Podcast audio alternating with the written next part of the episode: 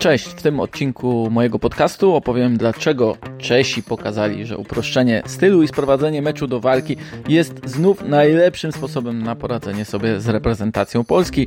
Opowiem czego zabrakło w głowach piłkarzy, by zaliczyli oni udany początek eliminacji Euro 2024 oraz co zobaczył w swoim nowym zespole i czego dowiedział się Fernando Santos z pierwszych 90 minut jego kadencji a jest to podcast zachodni do tablicy, który możecie znaleźć na platformach Spotify, Apple, Google i Podbean. Zachęcam do subskrypcji moich kanałów oraz zostawiania recenzji, polubień i komentarzy.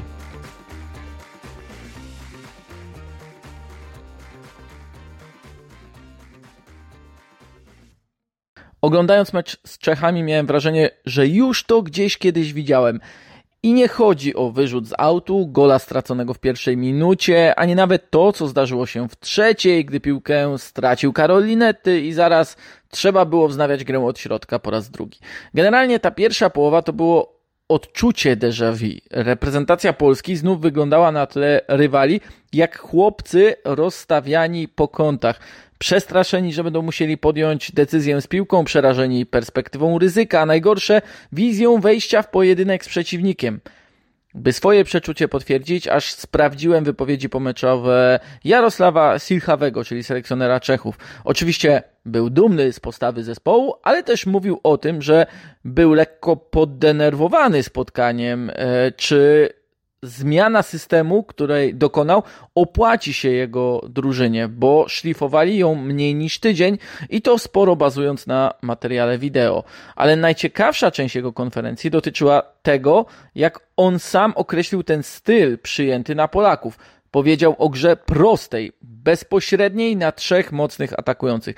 Tłumaczył, że taki sposób e, może być skuteczny przeciwko niektórym rywalom. Niektórym, czyli tym, którzy chcą grać piłkę i nie lubią takich kłopotów jak intensywny pressing, agresywne próby odbioru i dużo walki o drugą piłkę. Do tego miała przecież dążyć reprezentacja Polski, by jej mecze były uporządkowane w posiadaniu piłki. W Pradze nie było tego zbyt dużo, nie było momentów, gdy mogliśmy się czegoś dowiedzieć o planie A Fernando Santosza, mm, ponieważ szybko on legł w gruzach. Przecież na drugą połowę Polacy wybiegli z drugim zestawem bocznych obrońców, ze środkiem pola pozbawionym defensywnego pomocnika, a w pierwszej połowie nerwy do reszty zjadały biało-czerwonych, gdy ci próbowali rozgrywać piłkę. Nic nie mówi o tym więcej niż zachowania Karola Linetego, który miał ewidentnie pokazywać się do rozegrania w półprzestrzeni, gdy boczny obrońca wychodził wysoko. Ale pomocnik, otrzymując piłkę od Jana Bednarka, raczej unikał gry do przodu. Może po prostu nie chciał ryzykować po tym, jak skończyło się to, no właśnie, stratą już w trzeciej minucie. Chociaż starał się obserwować, co dzieje się wokół niego, to poprawiał sobie piłkę na trzy kontakty, tracił ją, a w tej sytuacji, o której wspomniałem, od tego zaczęło się całe zło.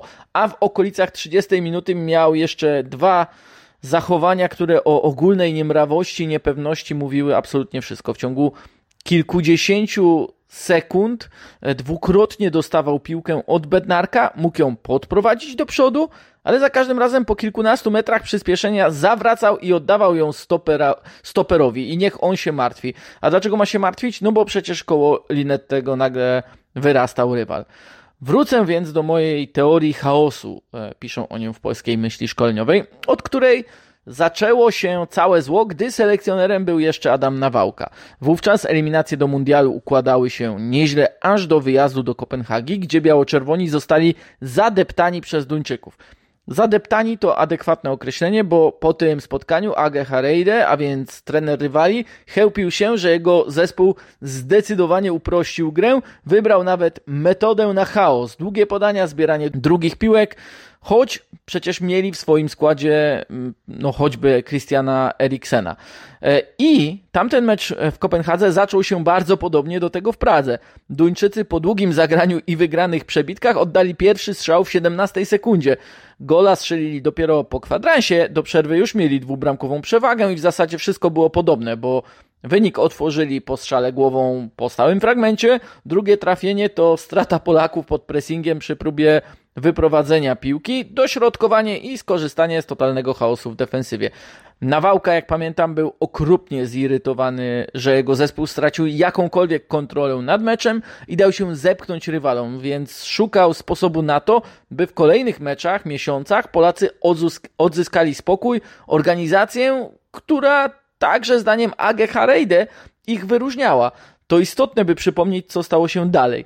Poszedł Nawałka w szukanie nowego systemu, nie przekonał do niego zawodników, a wraz z tym, że zespół coraz częściej posiadał piłkę, to musiał rozgrywać ją od obrony przez pomoc, gdzie no przypomnijcie sobie, jak wyglądało to na mundialu, nasze klepanie w meczu z Senegalem, który swoją fizycznością całkowicie zdominował mecz i wytrącił nas z równowagi. Tak samo ostro i zdecydowanie zagrali Kolumbijczycy kilka dni później, a efektem ostatecznym było też to, co działo się w końcówce z Japonią, gdy mając honorowe zwycięstwo biało-czerwoni bali się podejść pod przeciwnika, któremu porażka pasowała i ten klepał sobie e, piłkę na własnej połowie. A Polacy bali się, bo by to oznaczało konieczność wejścia w pojedynek, ryzyko utraty zalążka organizacji czy kontroli.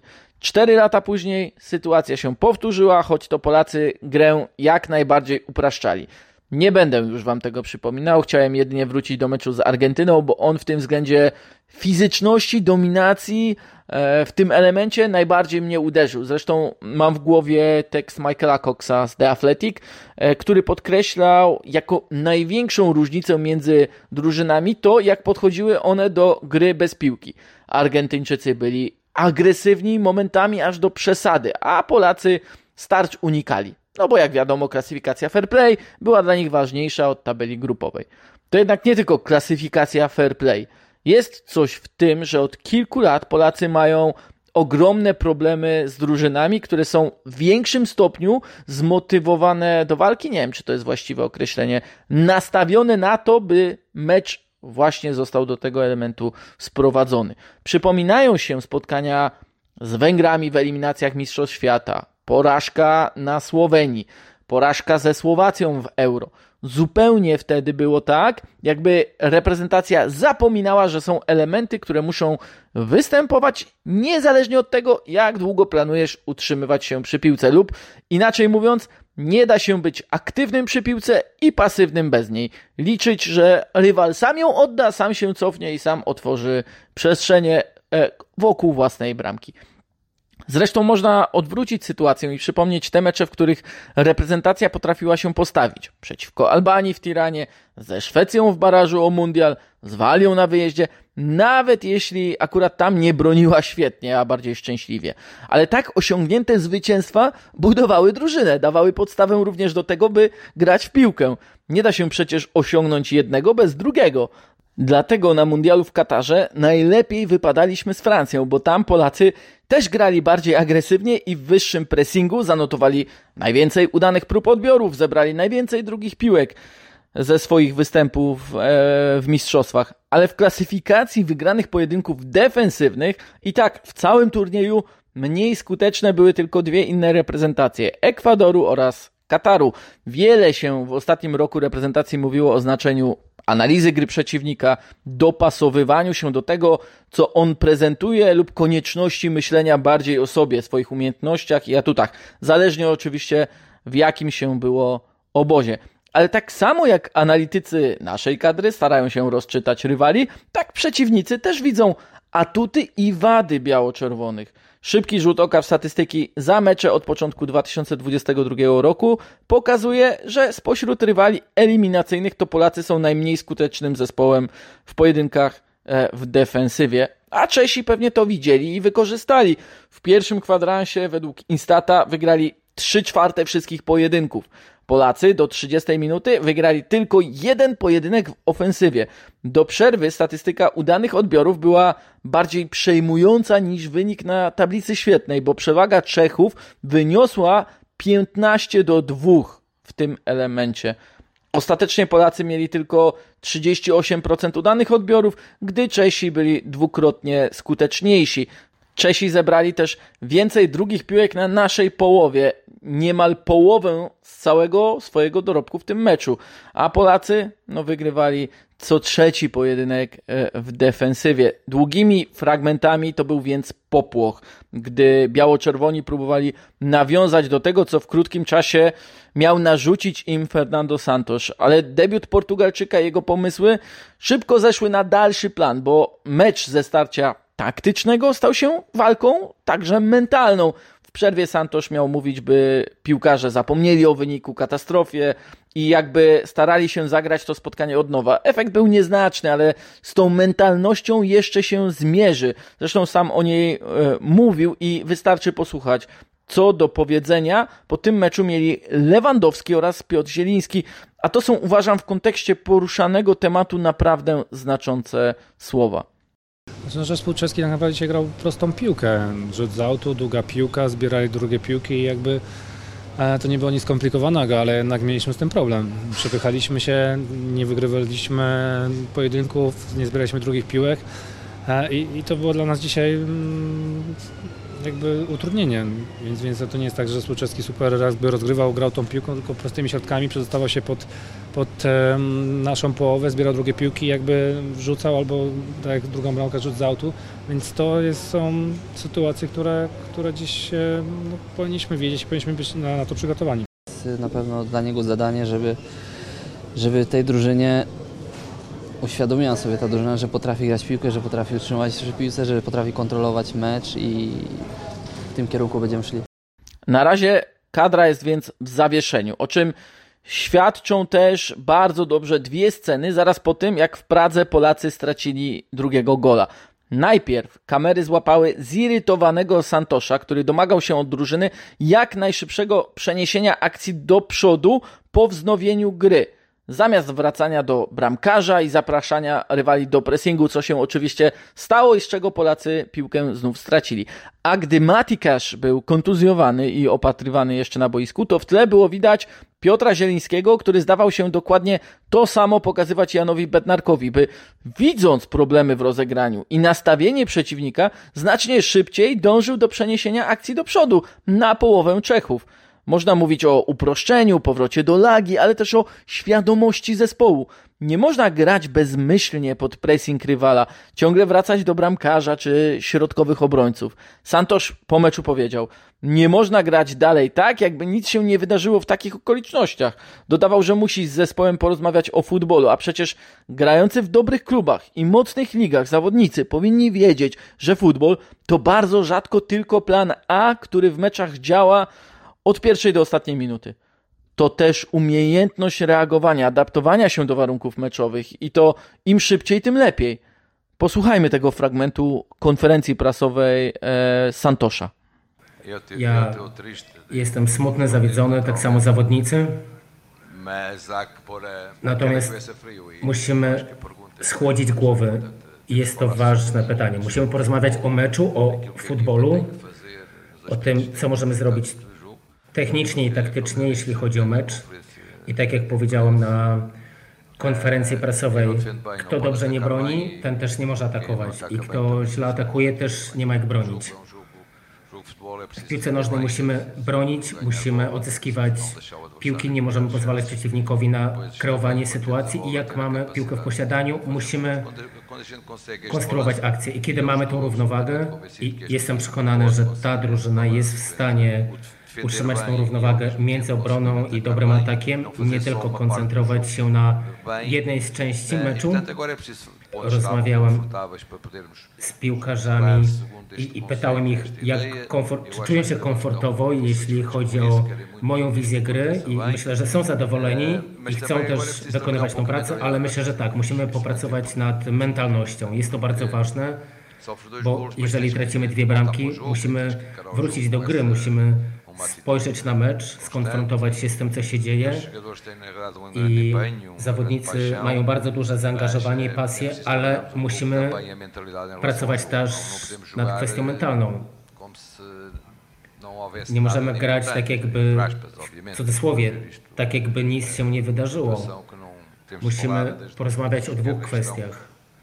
Kwestia meczu i samej piłki nożnej, gry, ale też kwestia naszych animuszy. Nie możemy stracić głowy i każdy próbuje indywidualnie dać najwięcej z siebie, żeby samemu rozstrzygnąć to spotkanie, bo, bo ciężko jest to osiągnąć w wielkich drużynach. Sami słyszycie, że takie są też powody, dla których tak niewiele jesteśmy w stanie powiedzieć wciąż o pomyśle Santosza na reprezentację, poza na przykład wyborami personalnymi. Na pewno on chciał reagować szybciej niż potrafiła to zrobić drużyna, o czym mogą świadczyć już dwie zmiany w przerwie, korekta ustawienia, później kolejne e, roszady. Może to z jednej strony dobrze, że tak szybko Portugalczyk poznał skalę problemów mentalnych drużyny, z którymi musi się już w bardzo krótkim czasie zmierzyć. Wszyscy chcielibyśmy, by reprezentacja Polski była jak szybkie auto najwyższej klasy, bolid, potrafiący rozpędzić się od zera do setki w kilka sekund, by tak błyskawicznie przeskakiwać kolejne etapy ewolucji w stronę, która ma dać kontrolę i, tak jak mówili po Mistrzostwach Świata sami piłkarze, radość z gry. Ale na razie, pomimo kolejnych awansów na wielkie turnieje i kilku piłkarzy o uznanej marce, jesteśmy zespołem, autem klasy średniej, z aspiracjami do czegoś więcej, do czego zdecydowanie warto dążyć, by się rozwijać. Ale rozwój będzie możliwy tylko przy zachowaniu podstaw, które oni muszą posiadać. Santosz ze swoim doświadczeniem też o tym wie. Po spotkaniu mówił o potrzebie równowagi między dobrą obroną i dobrym atakiem, że wierzy, iż ta reprezentacja, ci piłkarze będą potrafili to odnaleźć. Odpowiadając więc na tytułowe pytanie, polski piłkarz nie może dać się przepchnąć i zdominować fizycznie. Inaczej traci głowę i bezmyślnie wraca do ustawień fabrycznych. A jeśli selekcjonerem jest ktoś skrajnie reaktywny, to będziemy oglądali takie mecze jak z Meksykiem czy Argentyną. Z kolei jeśli trener będzie chciał czegoś więcej, to wówczas czekają nas marne próby rozgrywania od tyłu grupki przerażonych perspektywą otrzymania piłki zawodników. Pomysł czy styl nie może być dla piłkarza żadnym alibi, bo mając alibi, od razu przestaje on szukać innych, mniej lub bardziej kreatywnych rozwiązań i nie reaguje na to, co przynosi spotkanie. A wtedy zapada się cały zespół. I tego właśnie doświadczyliśmy w Pradze.